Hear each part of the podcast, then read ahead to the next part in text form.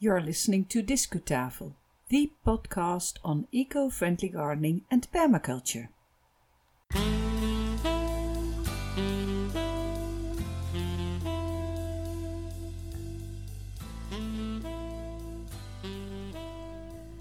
Welcome to this episode of Discutafel, the first Dutch podcast on eco friendly gardening and permaculture. Today is March 7, 2018. No, 2019, of course. My name is Yvonne Smit and I am the founder and your host. Usually we publish an English episode every four weeks, but last February we had lots of news for our Dutch listeners. Instead of one English edition on February 21st, we published two Dutch coverages one about the opening of a so called tiny forest, and one about a conference on future food systems. So we postponed the English episode and we're catching up today. This show we're talking about garden birds. And as we were preparing this topic, we realized we had a lot to say, and some garden birds wanted to present themselves as well. So we decided to separate our talk in two parts. In this first episode, we share some general tips to help your garden birds. And we find out which bird was seen in most British gardens in 2018. In our next English episode of Discutafel podcast, we discover similarities and differences in the top three of British and Dutch garden birds. This episode will be online within a couple of weeks.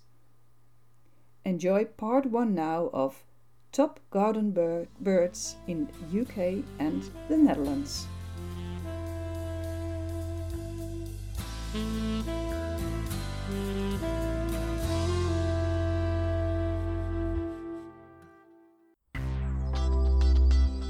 Discu Knowledge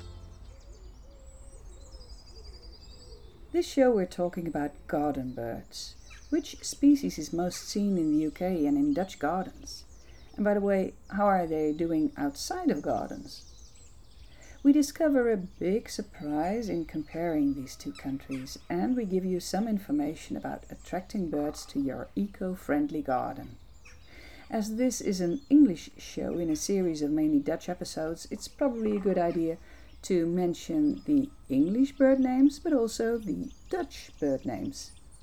I personally know various English names, but for instance, the name Dunnock or heggenmus in Dutch was new to me.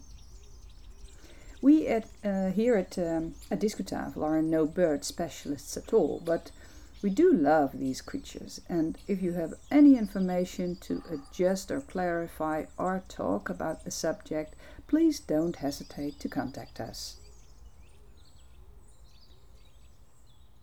One of the great pleasures of being in the garden is watching the birds that visit it, but it also works the other way round because in densely populated northwestern Europe, your garden can be vital for the well being and survival of birds. What can you gardeners do to give them a warm welcome? Well, no matter what species you're thinking about, it's always about shelter, food, and breeding spaces. In spring and summer, gardens provide birds with the essential nesting places. These can be natural ones or artificial nest boxes and you have food for the young in your garden.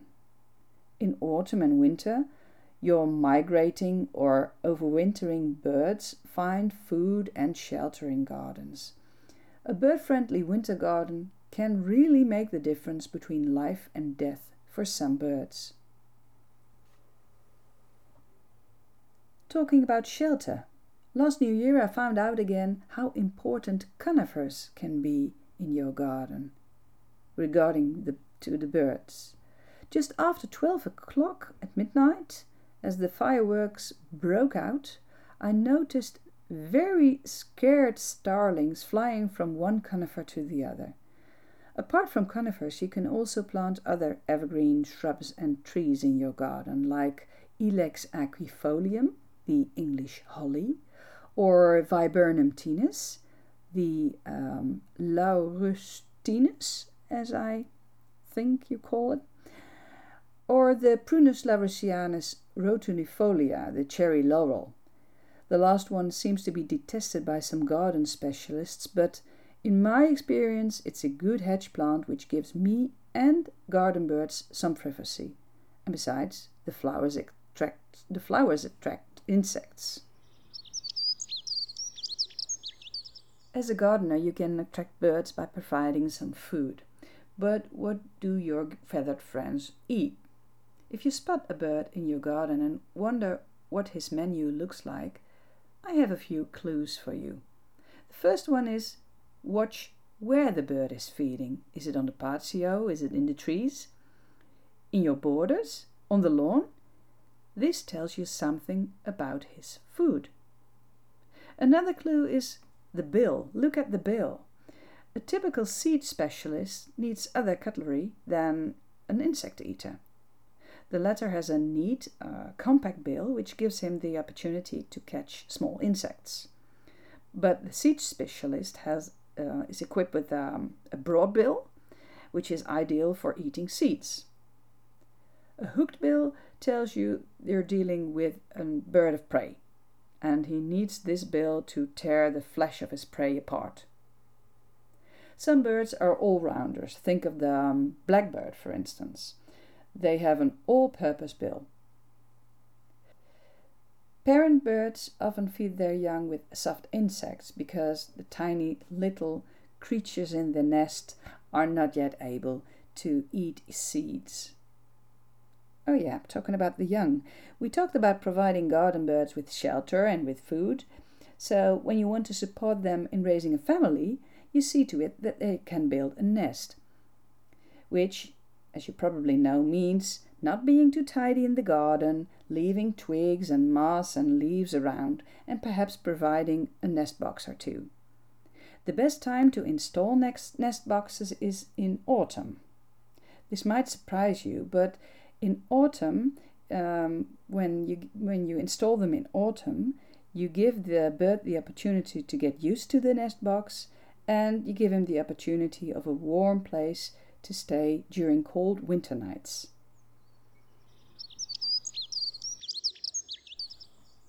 Which garden species are you likely to see in your garden? Well, that depends of the location, of course. The Netherlands is densely populated. Me, I live myself live in a city, and um, that and in the UK, you have long shorelines and you have hills and mountains, and that makes a difference in the species you can see in your garden, of course. So let's com- compare the two countries and let's look at the garden bird top three in the UK and in the Netherlands. Is there any difference? We compared the 2018 results of the Big Garden Bird Watch in the UK and Nationale tuinvogeltelling, as it's the national uh, happening is called here in uh, in the Netherlands. And somehow the Big Garden Birdwatch 2019 results are not yet available on the internet. Um, when we record this uh, episode in the beginning of March. So we look at 2018 instead. In the show note on discutafel.nl, we have put uh, some hyperlinks to the websites. I think it's fair to say that the power of the mass and the power of repetition rules here when speaking about these birdwatch uh, happenings. With uh, an accessible research like this, it is inevitable that the participants make mistakes when they identify or count birds because it's not their job, is it? And of course, the weather during the countings is important and the places where people live, whether it's town or countryside, whether it's the hillside or the seaside. That makes all the difference. But these counts have been done for decades and they give you an important information about the garden birds we may welcome, may, may see in our gardens.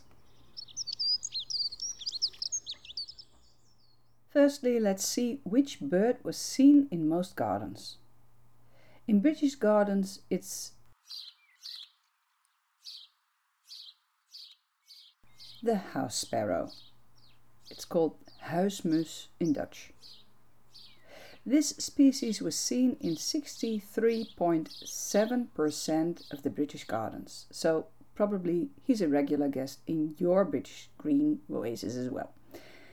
Sadly, its numbers have recently shown a decline in parts of Britain.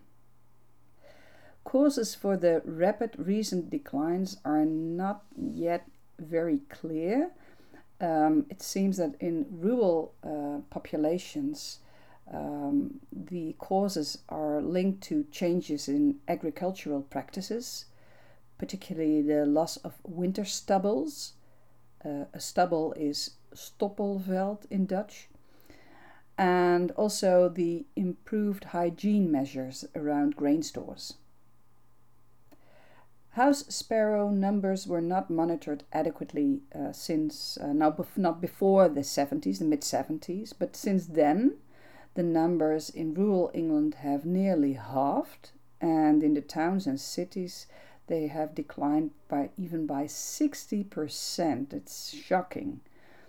So uh, that's why the house sparrow is now protected. It's on the red list.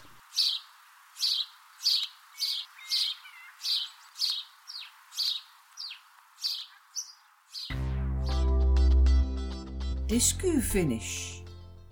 Well, how is the house sparrow doing in the Netherlands? Is this also the bird spotted in most gardens here, as in Britain? We discovered a big surprise in comparing birdwatch results in these two countries. This will all be revealed in part 2 of Top Garden Birds in UK and the Netherlands in our next English episode of Discutafel podcast. May I add a small addition to this part one? Because I forgot something. We gave you some tips to attract birds to your garden. Now, such a list is never complete, but I really must add the importance of water in your garden. Birds can be thirsty and they also want to have a bath now and then, so don't forget. Well, that's it for now. Thank you for sharing your valuable time with us at Discutafel please go to the show note on our website discutafel.nl for more information on this show's topics. Or exchange views with us on Twitter. Our tweets are in Dutch and in English.